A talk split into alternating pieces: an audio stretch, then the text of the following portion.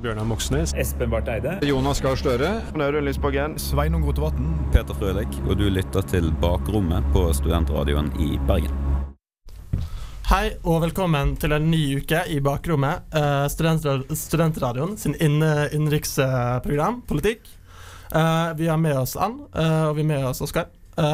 velkommen, velkommen. hva skjer denne uken? Nei, personlig eller politisk? Nei, hva, har du lyst til å snakke om? Nei, personlig har jeg vært litt syk. ja. Politisk ikke så mye. Vi har jo noen spennende temaer i dag. Ja, er, ja, vi har mye bra temaer uh, foran oss neste timen. Vi skal snakke om uh, litt vekst Vi skal snakke om obligatorisk vaksinering, grunnrenteskatt, videre pensjon og etterlønn. Um, og det har vært en ganske rolig uke, vil jeg påstå. Mm, ja. Generelt sett så skjer det veldig mye mer. Ja, det vil jeg si. Mm. Uh, ja. Nei, men altså Vi har en uh, bra time foran oss med mye gøy som skal skje. Altså, jeg er mest spent på å snakke om uh, vaksinering, kjenner jeg, uh, som kommer midt i. ja, så skal vi bare gå videre, da? Ja, på mandag så kom nyheten om at Widerøe skal legge ned 4000 flygninger innenlands på små, store og mindre flyplasser, i, spesielt i Nord-Norge. da, og fra Bergen og Oslo og til eh, Nord-Norge. Og ingen av disse flygningene er offentlig støttet, fordi det er flygninger som får offentlig støtte for å fly. Uh, Trygve Slagsvold Vedum raser som alltid, og Linda Hofstad sier ingenting. Oskar, hva syns du? Nei, jeg tenker egentlig at det er på høy tid at man får en mer på en måte litt mer differensiert avgiftspolitikk.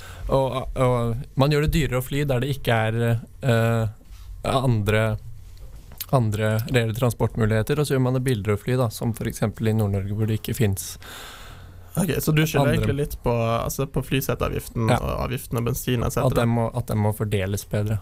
Ja, ja Ann, hva syns du?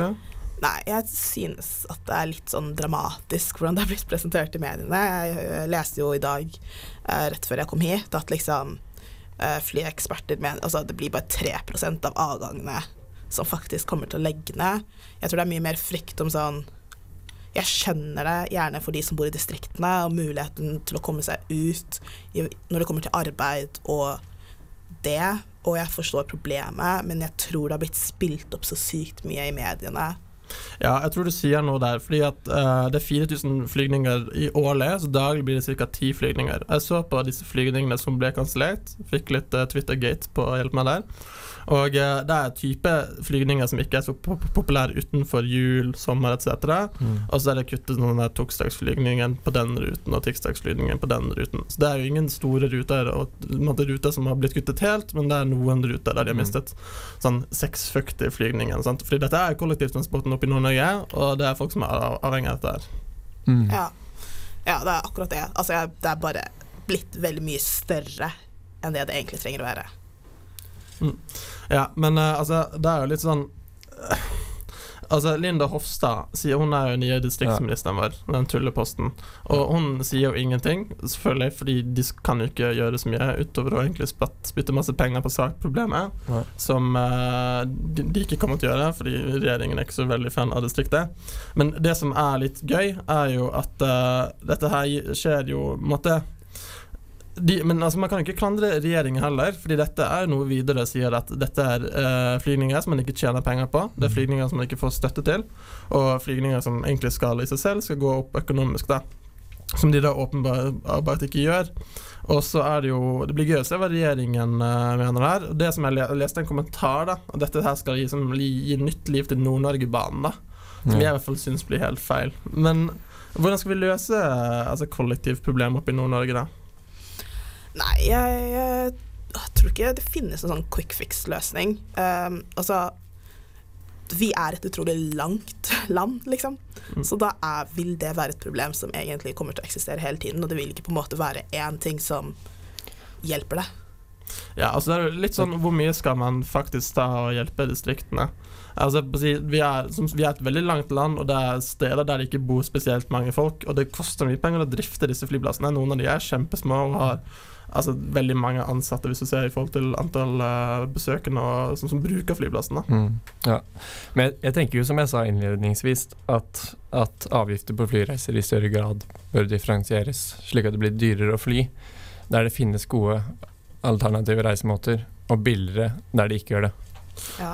Og, og, jo selvfølgelig å bygge ut øh, øh, Nordlandsbanen.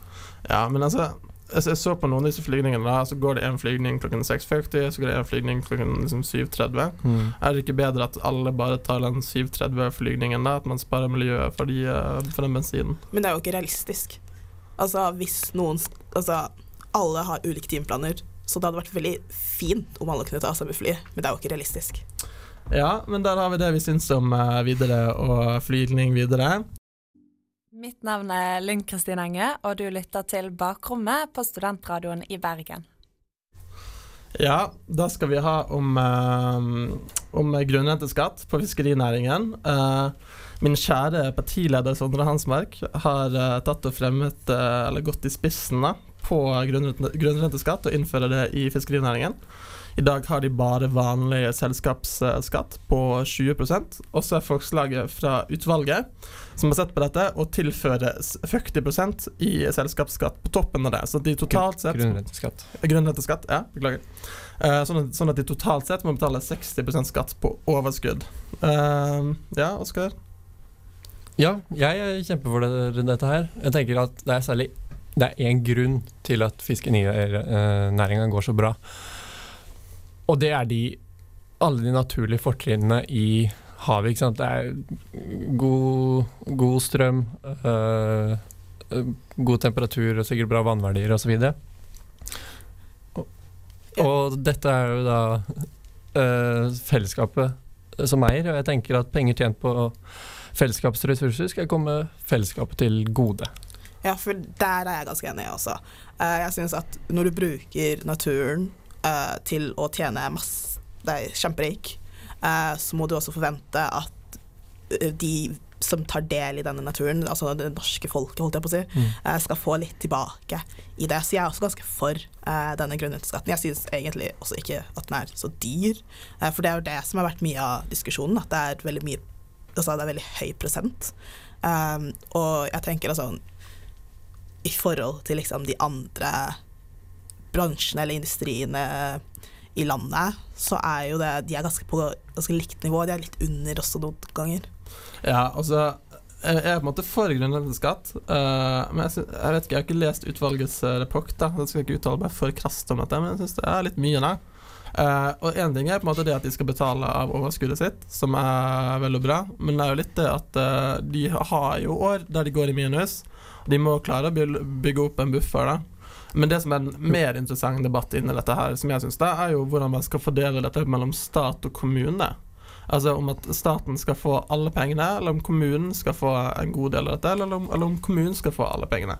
Personlig så syns jeg jo at kommunen burde få en god del av pengene, men ikke alt. Fordi at uh, kommunen er uh, på en måte lokal uh, Men på en måte hele staten, og staten driver også mye næringer og tilbud til befolkningen da, som de også må drifte. Hva syns eh, du, Ann?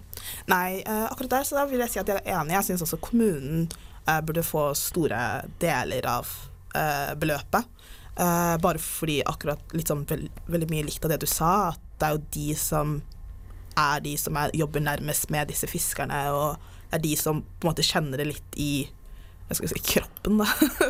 Men eh, så akkurat der så er jeg ganske enig. Men så er det et lite paradoks her, da. Altså, hvis vi ser liksom på historien til fiskerinæringa, så har staten frem til nå av miljøhensyn begrensa antall liksom, konsesjoner, altså tillatelser til å få lov til å drive med oppdrett. Og, og, det betyr mindre oppdrettsanlegg, mindre laks, dyrere laks og mye mer penger til de få uh, folka som driver med dette her. Og så er det en annen ting som er gøy. ikke sant? I dag eies halvparten av oppdrettsanleggene uh, i Nord-Norge av folk som ikke bor der. Mange av de bor i Oslo, ikke sant. Så ja. Ja, og det, det er litt interessant, faktisk. Fordi at uh, måtte, hvis, du, hvis du har sett på debatten på NRK som har gått, så har disse oljebaronene, da, som vi kan kalle det, Ja. prøvd å skape et sånt bilde av at det er mannen på gata i Nord-Norge som bare reiser ut og fisker. og så- Men det er det ikke. De her tjener masse penger. Og jeg leste en eh, NRK-sak for en liten stund siden, da. Og han hadde tatt ut eh, 160 millioner kroner i eh, inntekt ett Ja. år, da. Altså bare Ja, men de må ikke skatte oss i hjel. Nei, ikke sant. Også, man tar jo dette som et eh, angrep på distriktene. Og det syns jeg også eh, høres litt absurd ut. Fordi hvis du først innfører en grunnrenteskatt på fiskerinæringa, så kan du jo senke skattetrykket på andre næringer rundt om i distriktene. Altså du kan senke andre skatter som da, selskapsskatt og formuesskatt, som Ja, det blir jo er mye mer angripende, og da heller Og da, ja.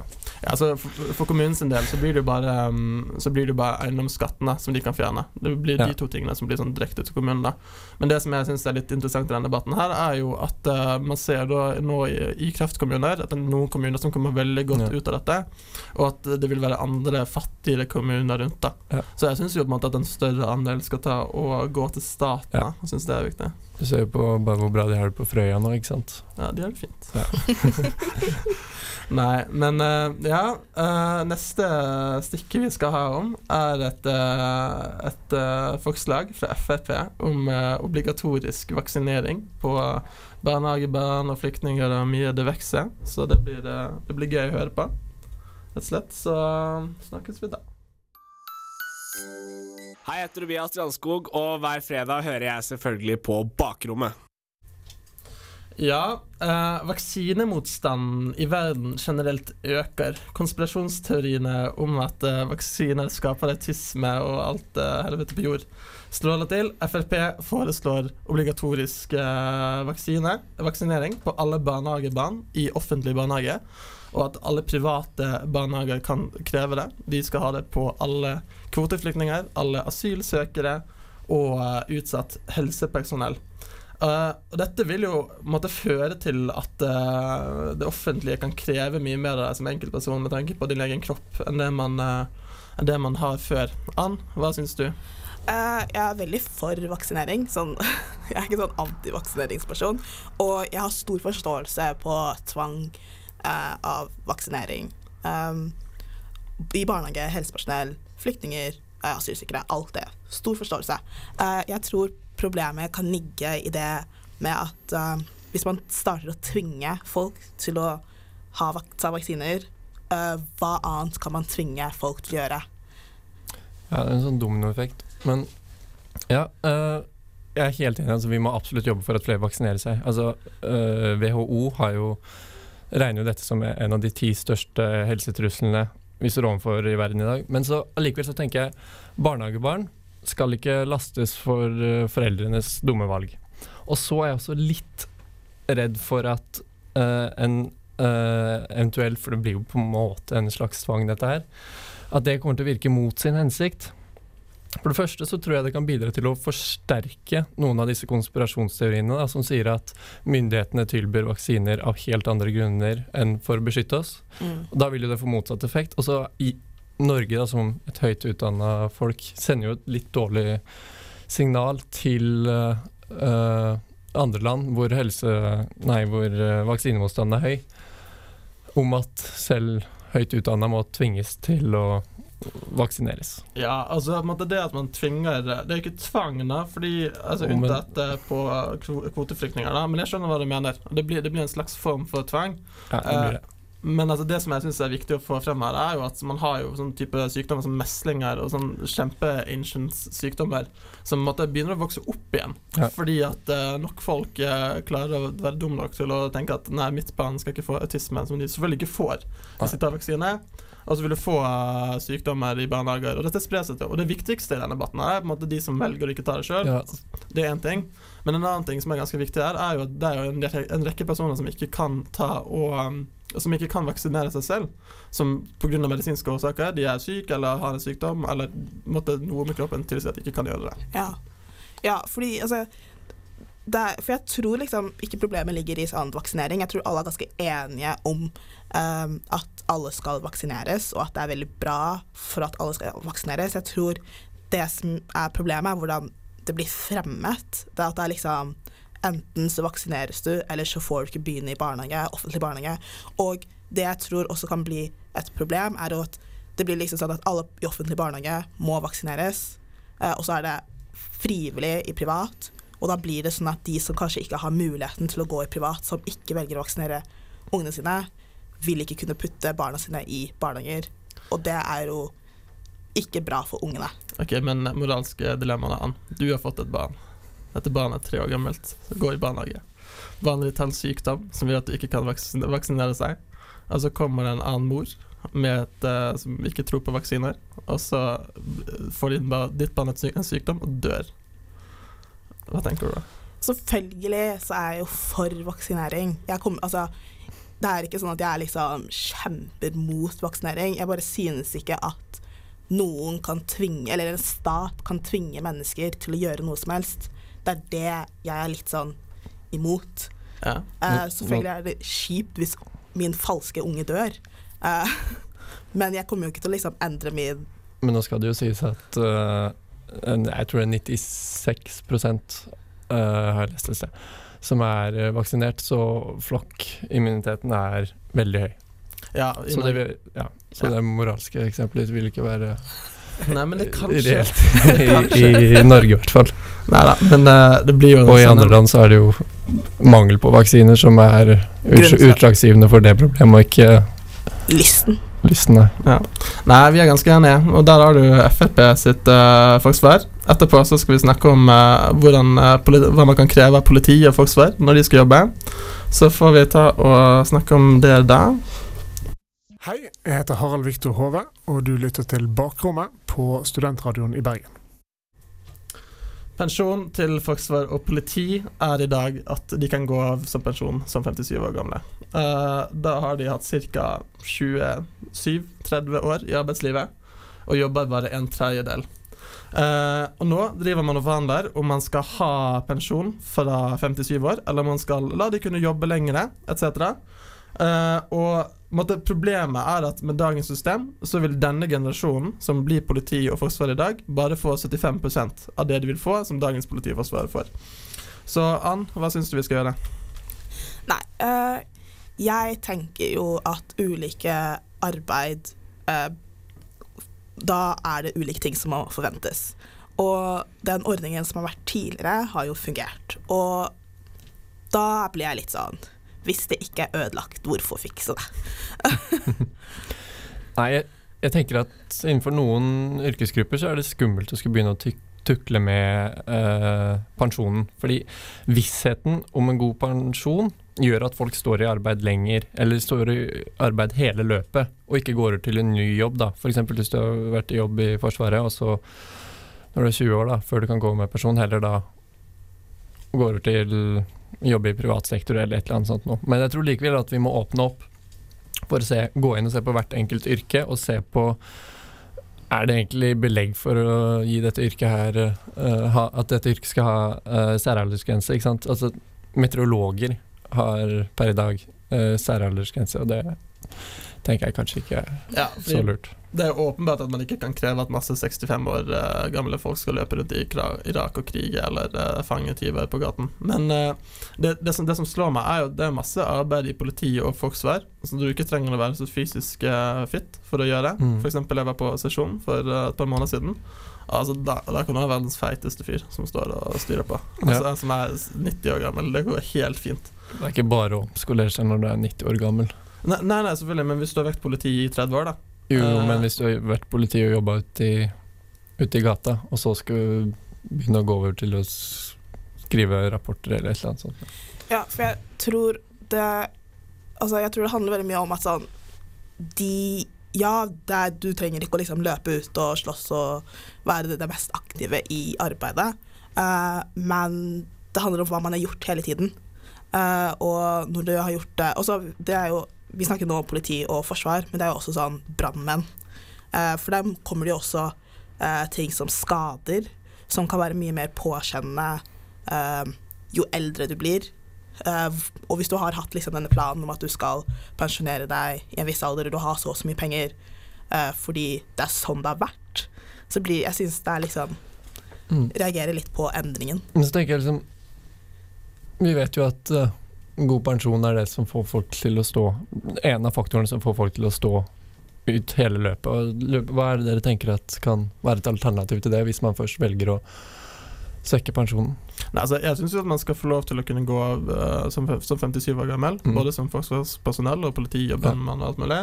uh, men også at man gjerne legger opp til at de har muligheten til å jobbe Ja. med kontor. Fordi mange, ta, tar politimenn for eksempel, Ja. uh, så vil jo mange av disse ha muligheten til å pushe på papir, fordi de gjør det allerede Mm. i de 30 årene. Ja. Ta brannmenn, de kan drive med skadeforebygging, f.eks. Ja.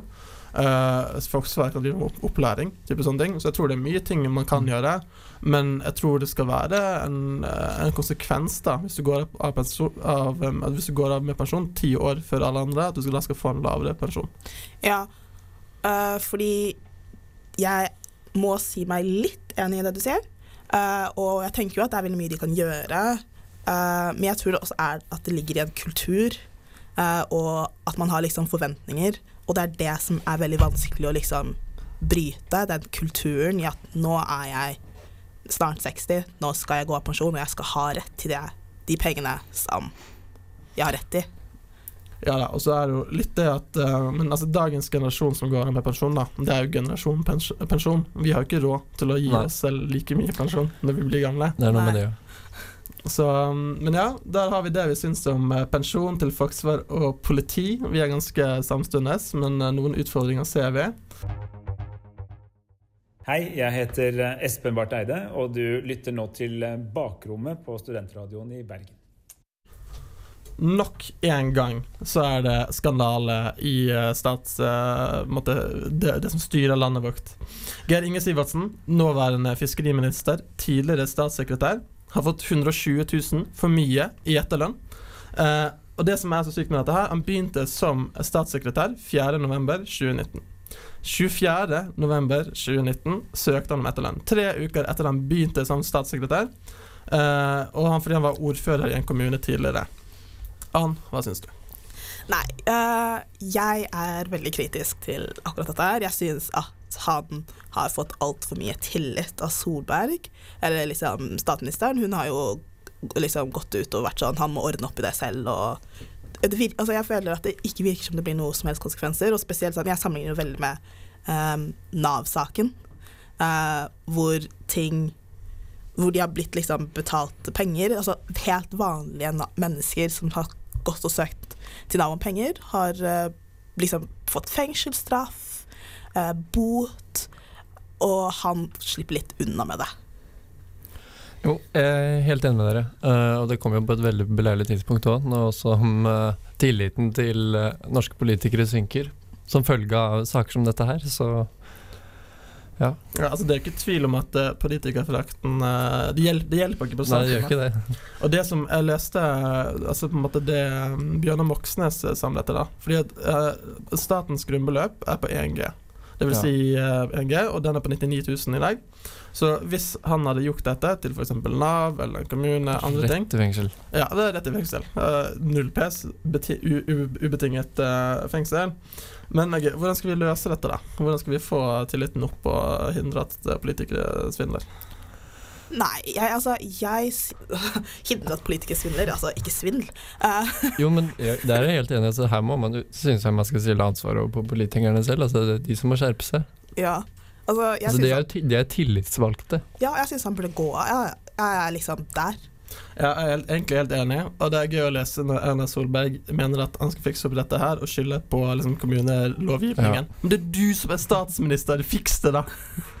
Ja, og så er jeg, jeg skjønner det der med at det er utrolig mye rot og kaos i kommunen, og liksom hva slags lover de skal følge, og jeg forstår det. Det har vært veldig Altså, etter Frp gikk, så var det jo veldig mange som søkte etterlønn. Eh, og jeg ser at det er et kaos, men jeg synes at det blir en for dårlig unnskyldning.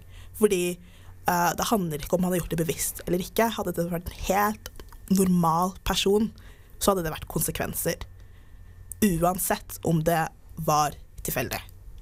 Det som også er litt gøy, er at han skulle egentlig jobbe som ordfører i den kommunen han var ordfører før, frem til nyttår i år. Samtidig som han var statssekretær i, uh, i Fiskeridepartementet i da to måneder, fra 4. Uh, november. Du kan jo umulig være en god ordfører og være en god statssekretær samtidig som du styrer på med begge tingene og får to millionlønninger og skal etterlønne og styre på. Altså, ja, jeg vet ikke. Nei, øh, nei, jeg blir liksom provosert av hele saken, og så er det liksom sånn Ja, jeg skal betale de pengene tilbake, og så er det sånn Det er liksom det er ikke det det handler om. Det handler ikke om pengene. Det handler om liksom prinsippet i at du som person som vi, sto, vi som, menneske, liksom, som medlemmer i dette landet her skal stole på, har gjort noe som ikke er greit. Ja da, og én ting er om, det er bevisst eller ikke, og det kan man, måtte, det skal egentlig ikke ha så mye å si, men det virker jo som at det er det, i og med at han har søkt om etterlønn tre uker etter den gikk av. Uh, men på en måte Det er jo et, er et ufattelig vanskelig tema, da. Men en måte, skal man stille hardere krav til politikere enn vanlige folk, syns du det? Ja.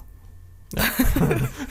Men krav i form av hva da, tenker du? Nei, altså måtte, det, Krav om at du skal kunne lovverket så bra at du skal slippe disse feilene her. Og, måtte, og Jeg syns litt synd på han, for å være helt ærlig. For det er jo ja. ingen som vet hvem han er frem til nå.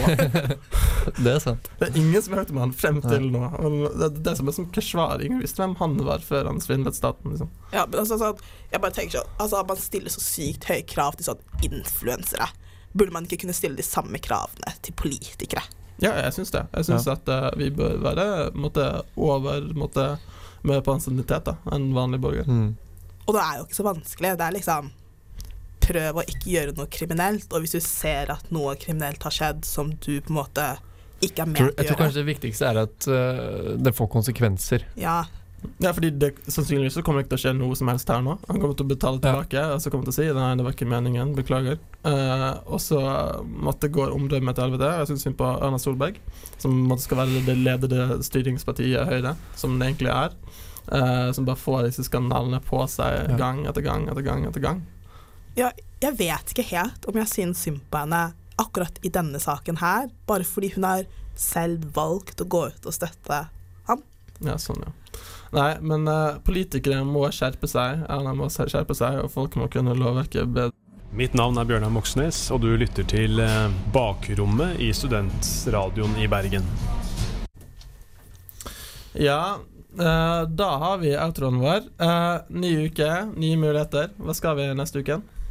Jeg skal til Oslo i morgen, faktisk. Nei, kult, ja, skal du? Hva jeg skal? Nei, jeg skal bare hjem. Ann?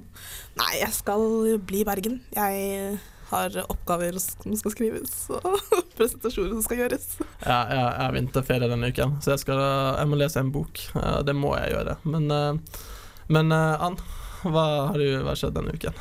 Nei, altså jeg har bare reagert veldig på den der eh, Michelin-stjerne og Pollestad-uttalen om at liksom Altså, det blir så dumt. Jeg husker jeg, vi hadde satt opp at det skulle vi snakke om tidligere, og så skulle jeg skrive notater, og så var jeg bare sånn ah, Dette blir for dumt.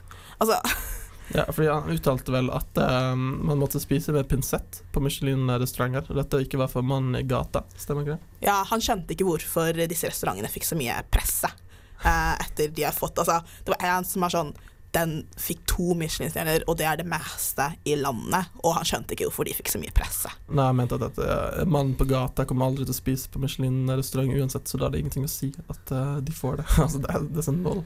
Ja. Nei, men det andre store som har skjedd denne uken, uh, som jeg syns har fått altfor mye presse, og som er kjempelettis, er disse folkeopprøret mot klimahysteri, altså Facebook-grupper, og folkeopprøret mot folkeopprøret mot klimahysteri. Uh, som altså, Folkeopprøret mot klimahysteri har fått 125 000 medlemmer på Facebook. Altså, hva faen? Jeg orker Men ikke. allikevel så tenker jeg at dette er ikke re, dette er ikke en reell trussel. Det, det, som er dumt, er at vi gir dette her så mye oppmerksomhet. Uh, dette er egentlig en debatt som ble avgjort på slutten av 80-tallet. 90-tallet. ja, altså dette her er bare et prakteksempel av hva som skjer hvis du slipper en mann 66 løs yes. på Facebook og bare ser hva som skjer. Men uh, nei, jeg, jeg, så på Politiske kvarter i morgen i morges, uh, og det var Sveining Rotevatna, og han er grunnleggeren denne Facebook-gruppen i debatter. Jeg syns så synd på han fyren. Altså, her har du ingen erfaring med media, og så bare kommer det der og bare tar deg. Ja, altså jeg lever i konstant frykt om at dette skal bli et nytt parti. Det er liksom, altså Neste stortingsvalg så kan man stemme mellom Ja, du kan, Det er jo egentlig et parti fra før av, det heter Senterpartiet. Nei, men um, altså, jeg har meldt meg inn i den der Folkeopprøret mot folkeopprøret Facebook-gruppen, som fikk sånn 75 000 medlemmer på én dag. Det er helt sinnssykt.